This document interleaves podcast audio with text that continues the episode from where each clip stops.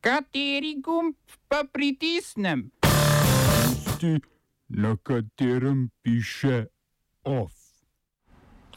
Vrg je sedem v znamenju trgovine in skrivnostnega gosta. Izraelski letalski napadi v Iraku, Siriji in Libanonu. Levica zahteva nujno sejo odbora za finance o dvigu minimalne urne postavke študentov.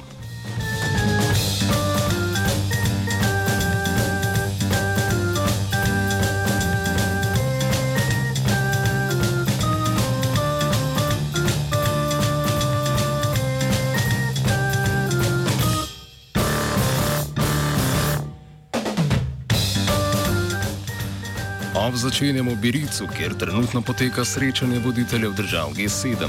Nenapovedano pa je francosko letovišče obiskal tudi iranski zunani minister Javad Zarif. Zarif se je srečal z gostiteljem, francoskim predsednikom Emmanuelom Macronom ter predstavniki Nemčije in Velike Britanije. Povabilo Zarifa, ki je bil od petka v Parizu na srečanju G7, je bilo Macronovo presenečenje za udeležence vrha.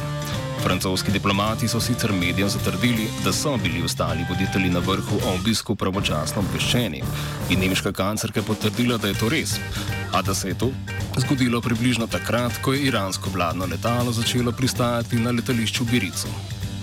Glavna tema pogovorov je bil sicer bil iranski izvoz nafte, ki ga omejujejo ameriške omejitve dolarskih bančnih transakcij, zaradi česar je bil na sestanku prisoten tudi francoski finančni minister Bruno Le Maire.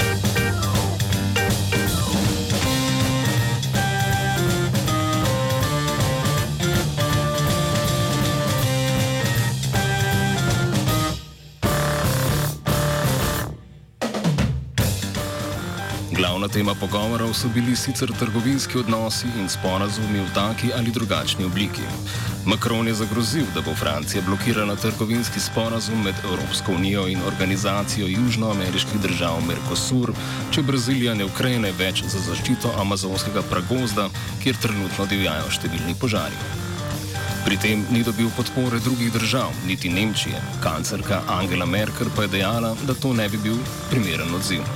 Makrona je na drugi strani napadel ameriški predsednik Donald Trump, ki ga jezi novi francoski davek na digitalne storitve, ki bo najbolj prizadel ameriška podjetja. Povračilo bodo ZDA po besedah ameriškega predsednika obdavčile francosko vino, kot svet še ni videl. Vroča točka pogovorov je trgovinska vojna med ZDA in Kitajsko, v kateri je Trump napovedal zvišanje carinskih stopenj na že uvedene ali napovedane carine. Največ uspeha je imel na pogajanjih z ameriškim predsednikom japonski premier Shinzo Abe. S Trumpom sta se dogovorila o glavnih točkah prostotrgovinskega sporazuma med ZDA in Japonsko. Sporazum naj bi bil podpisan že ob letnem srečanju Organizacije Združenih narodov naslednji mesec v New Yorku.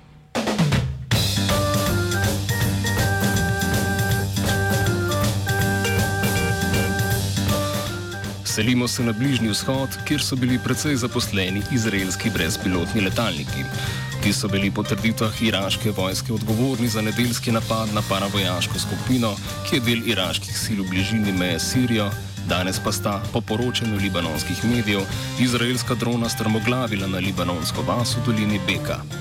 Tarča tega napada je bila sicer baza marksistične frakcije palestinskega osvobodilnega gibanja, Ljudske fronte za osvoboditev Palestine. Izraelske letalske sile pa so poleg tega napadle tudi cilje v Siriji. Cilj bombardiranja v predmestu Damaska naj bi bile enote Kuc iranske revolucionarne garde.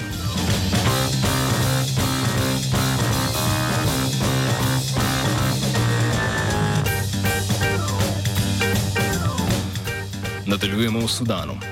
Novi premier Abdala Hamdok, ki je prejšnji teden prevzel vodenje od vojaškega sveta, je napovedal drastično zmanjšanje izdatkov za vojsko, ki trenutno predstavljajo 80 odstotkov državnega proračuna.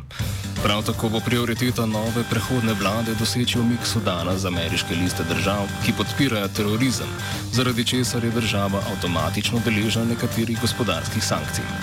Varnostne razmere v Sudanu se sicer še niso posebno umirile. V največjem obalnem mestu Port Sudan so bile danes razglašene izredne razmere. V mestu namreč že nekaj dni potekajo spopadi med plemenoma Nuba in Beni Amer, v katerih je bilo ubitih 16 ljudi.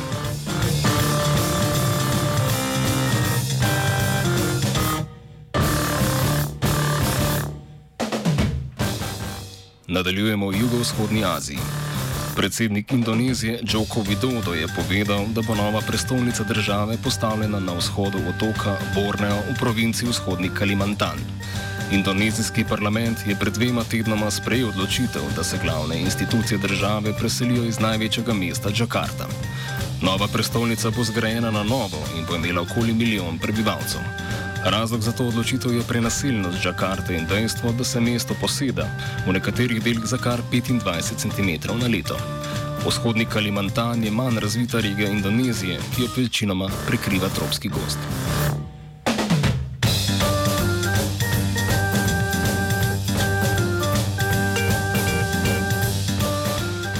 Kako še drugače izkoristiti tropski gost, pa razmišlja tudi sosednja Malezija, v kateri ga največ izsekavajo zaradi plantaž palm, iz katerih proizvajajo palmovo olje. Malezijsko ministrstvo za obrambo skuša sedaj z najmanj šestimi državami doseči dogovor, po katerem bi Malezija s palmovim oljem plačala nakupe vojaške opreme. Obramni minister Mohamed Sabo je povedal, da se trenutno pogajajo o nakupu orožja, ki bi ga plačali s palmovim oljem s Kitajsko, Rusijo, Indijo, Pakistanom, Iranom in Turčijo. Malezijski parlament trenutno sprejema desetletni program modernizacije vojske, pri katerem je v spredju predvsem krepitev mornarice.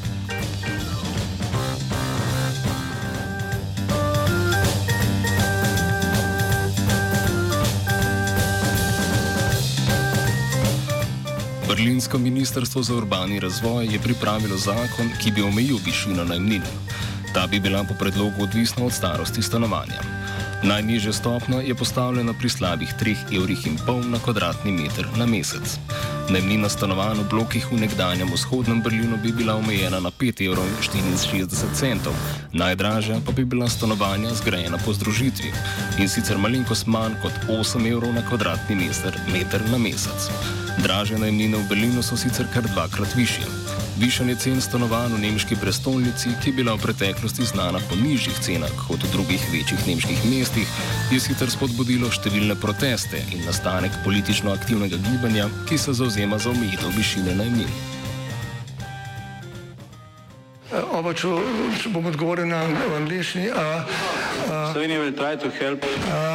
We can Slovenija will and we will do our utmost To say that the situation is our problem ourselves. and uh, We will make further steps as soon as the conditions are bomo vlado Marjana Cererja, Mira, eh, Marjana Cererja Šarca podprli. uh, very, very serious.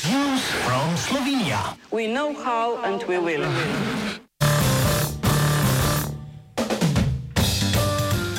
Stranka Levica je vložila zahtevo za sklic nujne seje odbora Državnega zbora za finance, na kateri bi obravnavali dvig minimalne urne postavke študentov. Predlagajo, da bi se ta dvignila na 5 evrov neto in se usklajevala z rastjo minimalne plače, ter da se kurni postavki priznajo tudi dodatki za delo po noči, ob nedeljah in ob dela prostih dnevih. V levici za svoj predlog pričakujejo podporo koalicije, saj gre za del dogovora iz sporazuma o sodelovanju vlade z levico. Minimalna urna postavka za študentsko delo trenutno znaša 4,89 evra bruto oziroma 4,13 evra neto.